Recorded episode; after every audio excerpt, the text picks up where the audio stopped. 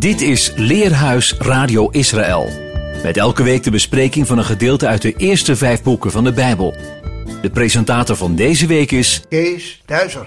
Shabbat shalom, Shabbat shalom, Shabbat Shabbat Shabbat Shabbat shalom, Shabbat shalom, Shabbat shalom, Shabbat Shabbat Shabbat Shabbat shalom, Shabbat Shabbat, Shabbat shalom, Shabbat shalom, Shabbat shalom, Shabbat Shabbat Shabbat Shabbat shalom. Shalom luisteraars. Welkom bij deze uitzending van Leerhuis Radio Israël. Deze Shabbat wordt in de synagogen gelezen de Parashat Re'e. Parashat Re'e begint bij Devarim 11 vers 26 tot 16 vers 17. Moshe stelt Am Yisrael een zegen en een vloek voor. Hij roept hen op alle verordeningen en bepalingen te houden die hij hen voorhoudt, met het oog op hun toekomstige verblijf in het beloofde land.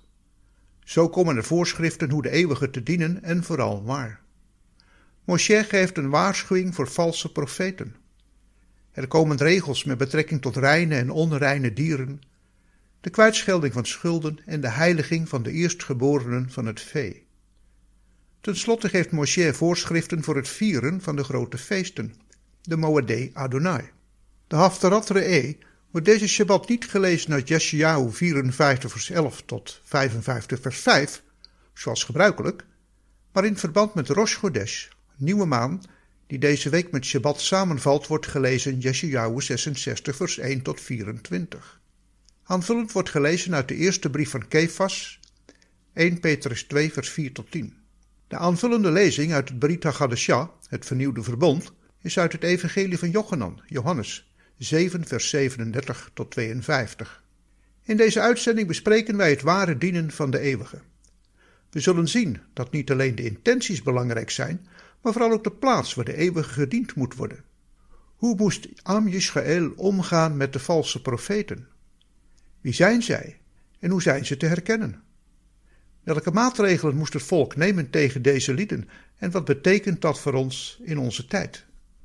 In deel 1 bespreken wij de betekenis van zegen en vloek en het belang van het nauwlettend naleven van de verordeningen en bepalingen van de Torah. Deel 2 handelt over de plaats waar de eeuwige door het volk gediend wilde worden en in deel 3 bespreken wij hoe om te gaan met valse profeten.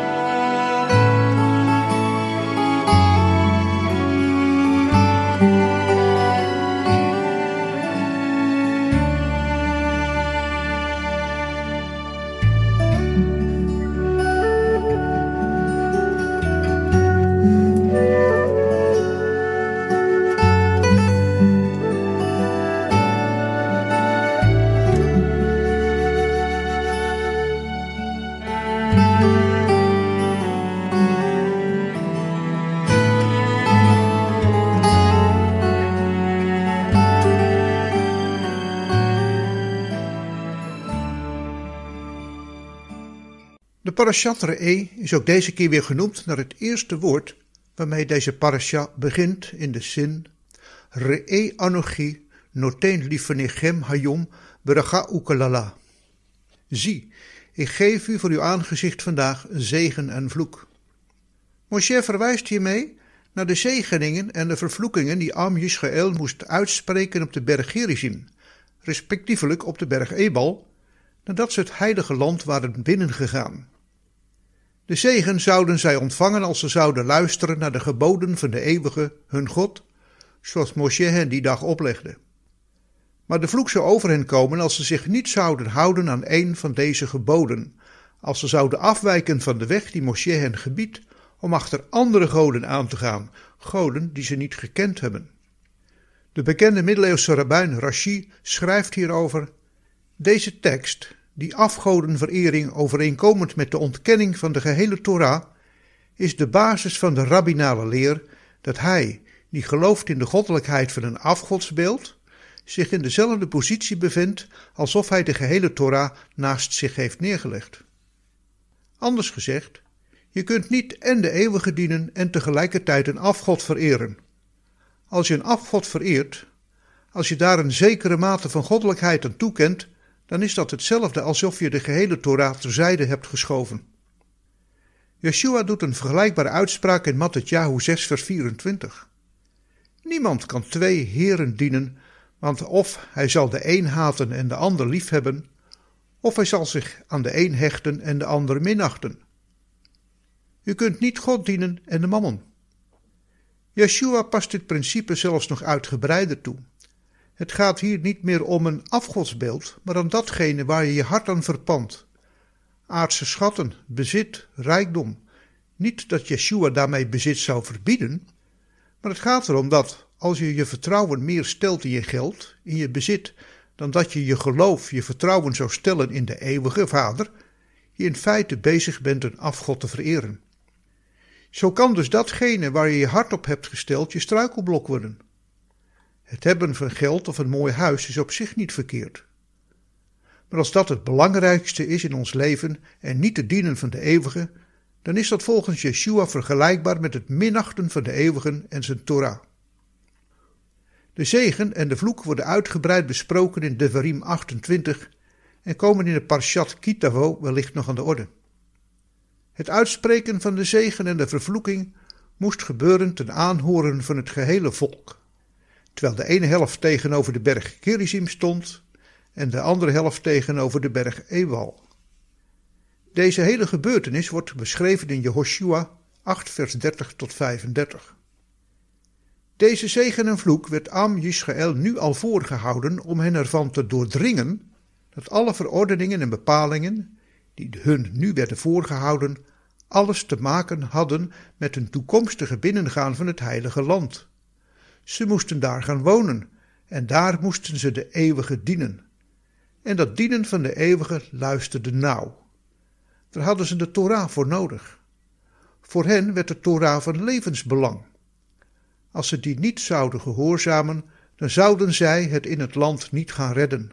Daarom, zo staat er in Devarim 11 vers 32, Neem dan alle verordeningen en bepalingen die ik u heden voorhoud nauwlettend in acht. En in één adem gaat Moshe in 12 vers 1 verder. Dit zijn de verordeningen en bepalingen die u nauwlettend in acht moet nemen in het land dat de Heere, de God van uw vaderen, u gegeven heeft om het in bezit te nemen, al de dagen dat u op de aardbodem leeft. Wat wordt er nu bedoeld met een verordening en wat met een bepaling? Deze termen worden gebruikt door de herziene statenvertaling. De Grootnieuwsbijbel en de Nieuwe Bijbelvertaling gebruiken de termen wetten en gedragsregels, CQ regels. De NBG 51 heeft het over inzettingen en verordeningen. De Statenvertaling en de Nadense Bijbel hebben het over inzettingen en over rechten, CQ rechtsregels. Nou, dat maakt het best allemaal verwarrend. Het Hebreeuwse woord goekim, enkelvoud gok, dat we het eerst tegenkomen in de tekst betekent een inzetting, of hoe je het ook vertaalt, die constant is, onveranderlijk en nooit wijzigt. We kunnen dit lezen in Jeremiahu 31 vers 35 en 36. Zo zegt de Heere, die de zon tot een licht geeft overdag en de vaste orde van de maan en sterren tot een licht in de nacht, die de zee opzweept zodat haar golven bruisen, heren van de legermachten is zijn naam. Als deze verordeningen, deze Goekiem ooit zouden wijken, van voor mijn aangezicht spreekt de Heere, dan zou ook het nageslacht van Israël ophouden een volk voor mijn aangezicht te zijn, alle dagen. Goekiem zijn dus gelijke natuurwetten, die de bewegingen van de hemellichamen beheersen. Maar uit de context van Jeremiahu 31 blijkt dat ze ook alles te maken hebben met het nieuwe verbond dat de eeuwige zal sluiten met Am Yisrael. Yeshua verwoordt het als volgt in Matthäus 5 vers 18 en 19.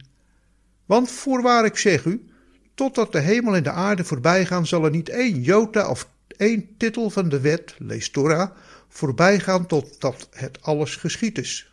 Wie dan een van deze geringe geboden, lees Goekiem, afschaft en de mensen zo onderwijst, zal de geringste genoemd worden in het koninkrijk der hemelen.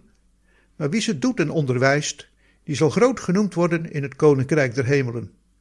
Maar wat zijn dan de mishpatim? Een mishpat is een besluit of een bepaling tussen twee stellingen. Het heeft alles te maken met rechtspraak. Vandaar de mijns inziens juistere vertaling van de Nadense Bijbel met rechtsregels. Bijvoorbeeld het geval van de dochters van Salafagat in Bemidbar, nummer 27 vers 1 tot 11. Hun vader was gestorven en hij had geen zonen.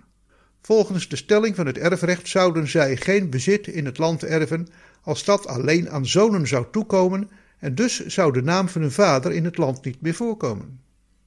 In vers 5 lezen we dat Moshe deze zaak voor de eeuwige bracht, waarop deze de dochters van Salafagat in het gelijk stelde en bepaalde dat zij een eigen erfelijk bezit moesten krijgen te midden van de broers van hun vader.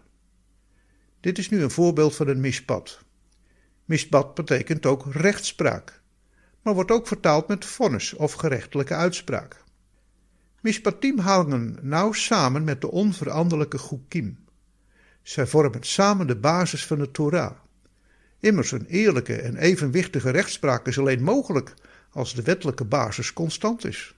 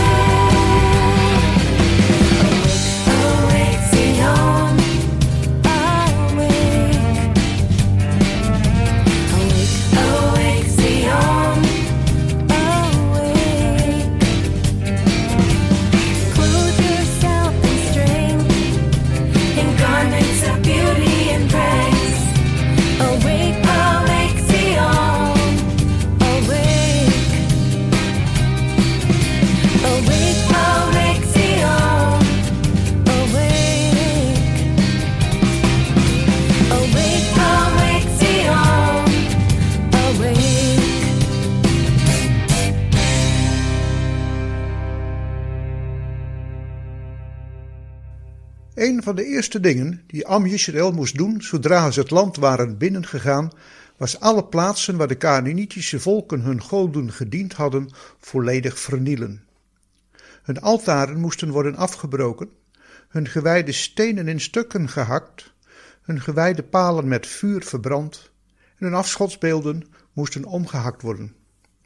En vervolgens de waarschuwing die we vinden in Devarim 12 vers 4 en 5. U mag tegenover de Heere uw God niet doen zoals zij. Maar naar de plaats die de Heer uw God uit al uw stammen zal uitkiezen om zijn naam daar te vestigen, naar zijn woning moet u vragen en daarheen komen. Daarheen moet u uw brandoffers brengen, uw slachtoffers, uw tienden, de hefoffers van uw hand, uw gelofteoffers, uw vrijwillige gaven en de eerstgeborenen van uw runderen en van uw kleinvee. En daarheen moet u voor het aangezicht van de Heer uw God eten en u verblijden. U en uw gezinnen over alles wat u ter hand genomen hebt en waarin de Heer uw God u gezegend heeft. Het gaat hier over een zekere plaats die de eeuwige zelf zal uitkiezen uit de stammen van het volk. Een plaats om zijn naam daar te vestigen. Maar naar zijn woning moesten ze vragen en daarheen komen. En alleen daar mochten ze al hun offers brengen en de feesten, de tijden van de eeuwige vieren. Wat was die plaats? De uitdrukking, de plaats die de Heer uw God uit al uw stammen zal uitkiezen, komt alleen in dit hoofdstuk al zes keer voor, waarvan drie keer met toevoeging om zijn naam daar te vestigen. In totaal komt deze uitdrukking in heel Devarim 22 maal voor, waarvan 9 maal met de toevoeging om zijn naam daar te vestigen. U mag het voor uzelf een goede oefening vinden om uit te zoeken in welke hoofdstukken en versen deze uitdrukking voorkomt. Welnu, in de rabbijnse traditie wordt het als een uiterst belangrijke aanwijzing beschouwd als een woord of uitdrukking vele malen in de tekst herhaald wordt. Dat heeft ons iets te vertellen. De uitdrukking de plaats is in het Hebreeuws ha-makom. De plaats, want alleen het woord plaats is makom. Mem, kof, waf, mem. Maar door het lidwoord ha ervoor is het woord bepaald. De plaats. Het gaat om een zekere plaats die de eeuwige zal uitkiezen te midden van de twaalf stammen. Maar om welke plaats gaat het dan? Want de tabernakel stond eerst in Shiloh. Maar veel later pas kwam de ark van het verbond naar Jeruzalem. Als we terugbladeren in de Torah komen we het woord Hamakom tegen in Bereshit, Genesis 28 vers 11.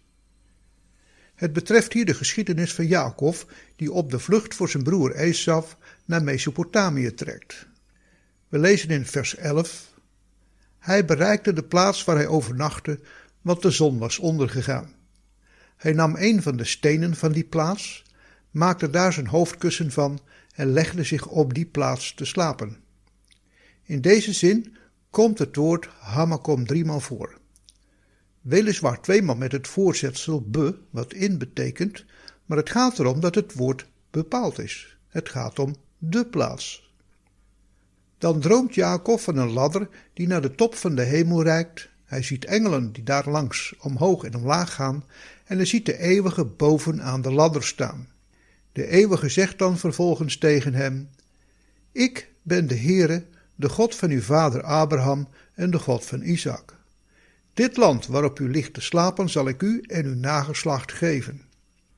Uw nageslacht zal talrijk zijn als het stof van de aarde en u zult zich uitbreiden naar het westen, het oosten, het noorden en het zuiden. In u en uw nageslacht zullen alle geslachten van de aardbodem gezegend worden. En zie, ik ben met u. Ik zal u beschermen overal waarheen u zult gaan en ik zal u terugbrengen in het land, want ik zal u niet verlaten totdat ik gedaan heb wat ik tot u gesproken heb. In feite hernieuwde de eeuwige zijn verbond dat hij sloot met Abraham en Yitzchak, nu met Jacob. Jacob is enorm geraakt door wat hij zojuist zag en hoorde en zegt: De eeuwige is werkelijk op de plaats, lees Bamakom, en ik heb het niet geweten. Daarna zegt hij: Hoe ontzagwekkend is de plaats, lees Hamakom. Dit is niets anders dan het huis van God en de poort naar de hemel. En in vers 19 lezen we: Hij gaf die plaats, lees Hamakom, de naam Betel, huis van God. Jacob sprak dus hier uit dat de plaats, Hamakom, dus de plaats was waar God woonde, de plaats was waar hij een ontmoeting met de eeuwige heeft gehad. Maar we kunnen nog verder terug. In Bereshit 22 vers 3 komen we het woord Hamakom weer tegen. Abraham heeft van de eeuwige het verzoek gekregen om zijn zoon Jitschak te offeren. We lezen, toen stond Abraham s morgens vroeg op, zadelde zijn ezel, nam twee van zijn knechten met zich mee en Isaac zijn zoon. Hij kloofde hout voor het brandoffer, stond op en ging naar de plaats, lees Hamakom, die God hem genoemd had. In vers 4 lezen we, op de derde dag sloeg Abraham zijn ogen op en hij zag die plaats, lees Hamakom, in de verte. In vers 9 lezen we, en ze kwamen op de plaats, lees Hamakom, die God hem genoemd had. Abraham bouwde daar het altaar, schikte het hout erop, bond zijn zoon Isaac en legde hem op het altaar bovenop het hout. In vers 14 lezen we, en Abraham gaf die plaats, lees Hamakom, de naam de Heere zal erin voorzien. Daarom wordt heden te dagen gezegd, op de berg van de Heere zal erin voorzien worden. Dit vers is heel bijzonder. Abraham noemt Hamakom, de eeuwige zal erin voorzien. Waarin? In het plaatsvervangend offer. Want op die plaats waar Jitschak geofferd moest worden, werd voorzien in een plaatsvervangend offer. Een ram die met zijn hoofd verstrikt zat in een doornstruik. Ziet u het voor u? De dorens die helemaal rondom het hoofd van de ram gewonden zaten. Misschien prikten de dorens al in het hoofd van de ram en sijpelde het bloed over zijn kop. Abraham zei, Adonai Jireh, de eeuwige zal erin voorzien. Daarom wordt nog steeds gezegd, op de berg van de eeuwige zal erin voorzien worden. Waar zal in voorzien worden? Wat anders dan het ultieme plaatsvervangende offer dat geen ander mens kon brengen dan Yeshua. Maar hoe heet die berg waarop Hamakom gelegen is? Juist, de berg Moria. Laten we nu even kijken naar het laatste zinsgedeelte in de Barim 12 vers 5. Naar zijn woning moet u vragen en daarheen komen. Wat betekent dit? Het betekent dat men in het heilige land op zoek moest gaan naar de plaats waar de eeuwige wilde gaan wonen. Hij zou hen dat niet zomaar bekend maken, maar als ze de Torah goed kenden, dan zouden ze erachter moeten komen. Want wat wij net gelezen hebben, dat zou Am Yisrael ook moeten kennen. Maar het zou heel lang duren eer er iemand van Am Yisrael op zoek zou gaan naar de plaats waar de eeuwige wilde gaan wonen om daar zijn naam te vestigen. Koning David woonde al in Jeruzalem en had zich een mooi paleis gebouwd toen hij zich realiseerde dat de eeuwige er maar heel bekaaid was afgekomen. De koning in een prachtig paleis en de god van het ganse heelal moest verblijven op een logeeradres. Wel, we kennen de geschiedenis. David gaat op zoek en vindt de ark van het verbond in het huis van Abinadab. David brengt uiteindelijk de ark, nadat het eerst vreselijk misging, naar Jeruzalem en brengt deze onder in een tent. Maar hij is niet tevreden en wil voor de eeuwige een echt huis bouwen. Maar hij krijgt niet de toestemming van de eeuwige. Maar uiteindelijk wordt er hem een plaats gevonden waar dit huis, de tempel, moet komen. In 2 Kronieken hoofdstuk 21 vinden we het verhaal van de volkstelling. U kent vast die geschiedenis waarbij uiteindelijk als straf voor de volkstelling een engel klaar stond om een strafgericht over Jeruzalem te voltrekken. De engel stond bij de dorsvloer van de Jebusiet Ornan met uitgetrokken zwaard. Toen David ernstig tot de eeuwige bad, liet deze zich verbidden. De engel moest zijn zwaard terugtrekken en koning David ging naar de dorsvloer van Ornan, kocht het hele perceel met alle toebehoren en bracht daar aan de eeuwige een offer. In hoofdstuk 22 vers 1 zegt David, Dit hier is het huis van de Heere God en dit is het brandoffer voor Israël. En vervolgens gaat hij aan de slag om plannen te maken voor de bouw van het huis van de eeuwige. Maar hoe heette die plaats nu, waar de dorsvloer van Ornan was gelegen? Dat lezen we in 2 Kronieken 3 vers 1. Toen begon Salomo het huis van de Heere te bouwen in Jeruzalem op de berg Moria, waar de Heere aan zijn vader David verschenen was, op de plaats die David bepaald had, op de dorsvloer van Ornan de Jebusiet. Op de berg Moria, waar eerst Jitschak geofferd zou worden. De berg Moria, waar de eeuwige erin zou voorzien, daar werd de tempel gebouwd. Hamakom, de plaats die de eeuwige verkiezen zou tussen alle stammen van Am Israël om daar zijn naam te vestigen.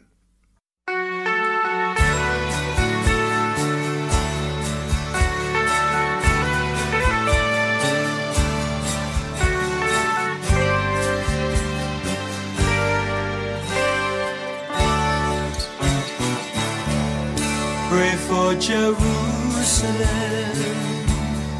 that there'll be peace again. The Lord will prosper them, prosper them that love Him.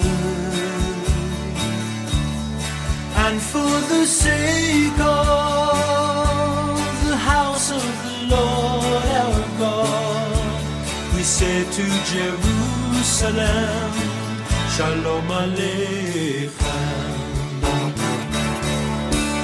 For Jerusalem that there be peace, not war. For God will bless them, bless them that love Him. So for the sake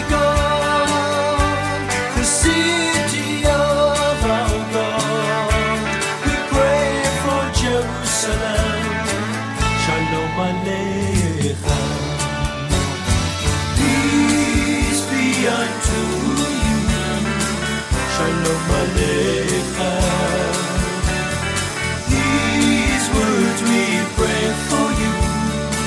Shalom Aleichem. Be unto you. Shalom Aleichem. These words we pray for you. Shalom Aleichem.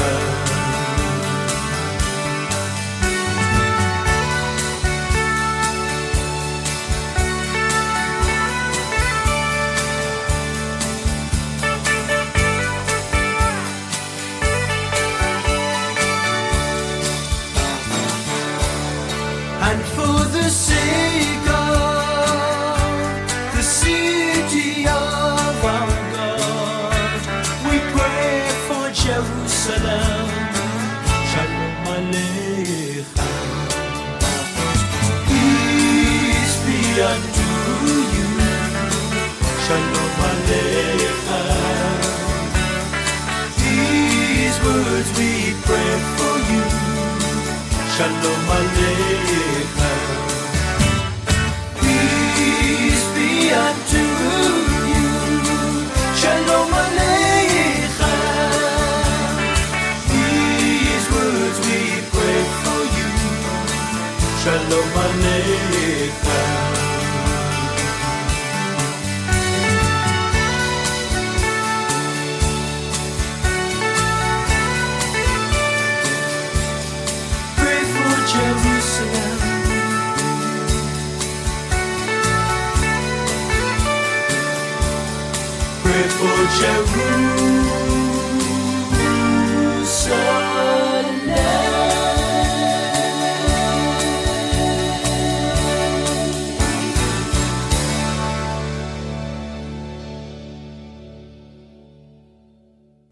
Een van de grootste problemen die in een geloofsgemeenschap kunnen ontstaan, is als er in die gemeenschap iemand opstaat die begint te verkondigen dat hij een teken van God heeft ontvangen of dat hij een droom heeft gehad die een bijzondere betekenis moet hebben, maar waarvan later blijkt dat dat teken of die droom helemaal niet van de eeuwige afkomstig is.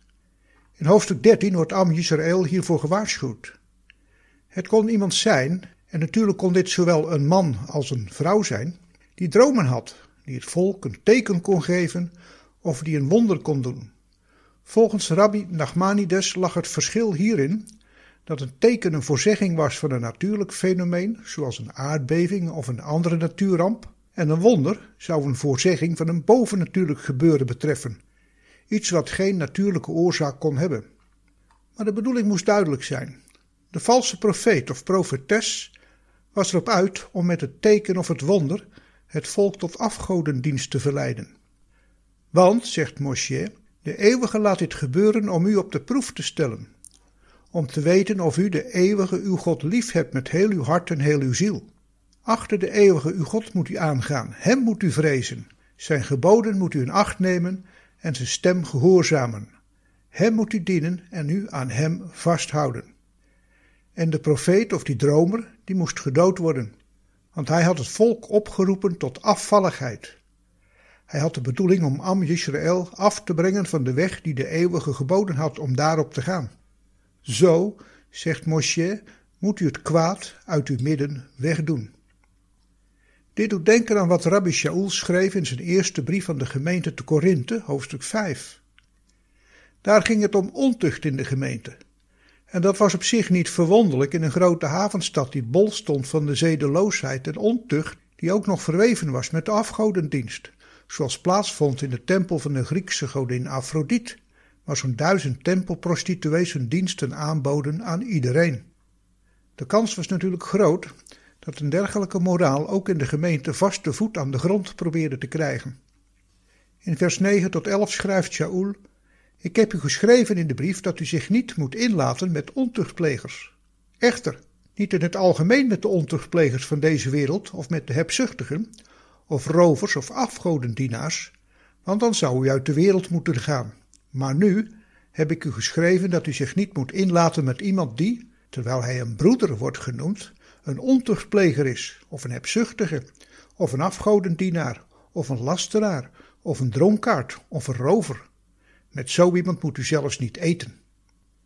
Met het schrijven van zijn laatste woorden in vers 13 zal hij ongetwijfeld gedacht hebben aan het vers uit onze parasha. En doe die kwaaddoener uit uw midden weg. En dat is in onze tijd al wel heel moeilijk. Want hoewel we best begrijpen dat in elke gemeenschap discipline nodig is, het woord tucht willen we eigenlijk al niet meer horen, hebben veel gemeenten er grote moeite mee om in geval van ontucht, die in zijn aard altijd op een of andere manier met afgoderij verweven is, duidelijk en besluitvaardig op te treden. Als het om kindermisbruik gaat, wil men tegenwoordig wel optreden. De publieke opinie daartegen is nog wel zo groot dat geen gemeente de schijn wil wekken dat ze kindermisbruikers nog de hand boven het hoofd willen houden. Iets wat in het verleden maar al te veel gebeurd is. Maar als het om andere seksuele relaties of, of praktijken gaat, waartegen de Torah zich heel duidelijk heeft uitgesproken, dan is dat een heel ander geval. Daar wordt de Torah al heel gemakkelijk aan de kant geschoven en vinden we zelfs voorgangers in kerken, waarvan Rabbi Shaul heel stellig zou hebben gezegd: en doe die kwaaddoener uit uw midden weg. En het hoeft natuurlijk niet alleen om seksuele misstanden te gaan. Want wanneer weten we nu dat we te maken hebben met een valse profeet? Hoe herkennen we zo iemand? Wat is een profeet eigenlijk? Een profeet is iemand die het woorden van God doorgeeft. Dat hoeft helemaal niet zo te zijn in de trant van zo zegt de Heer.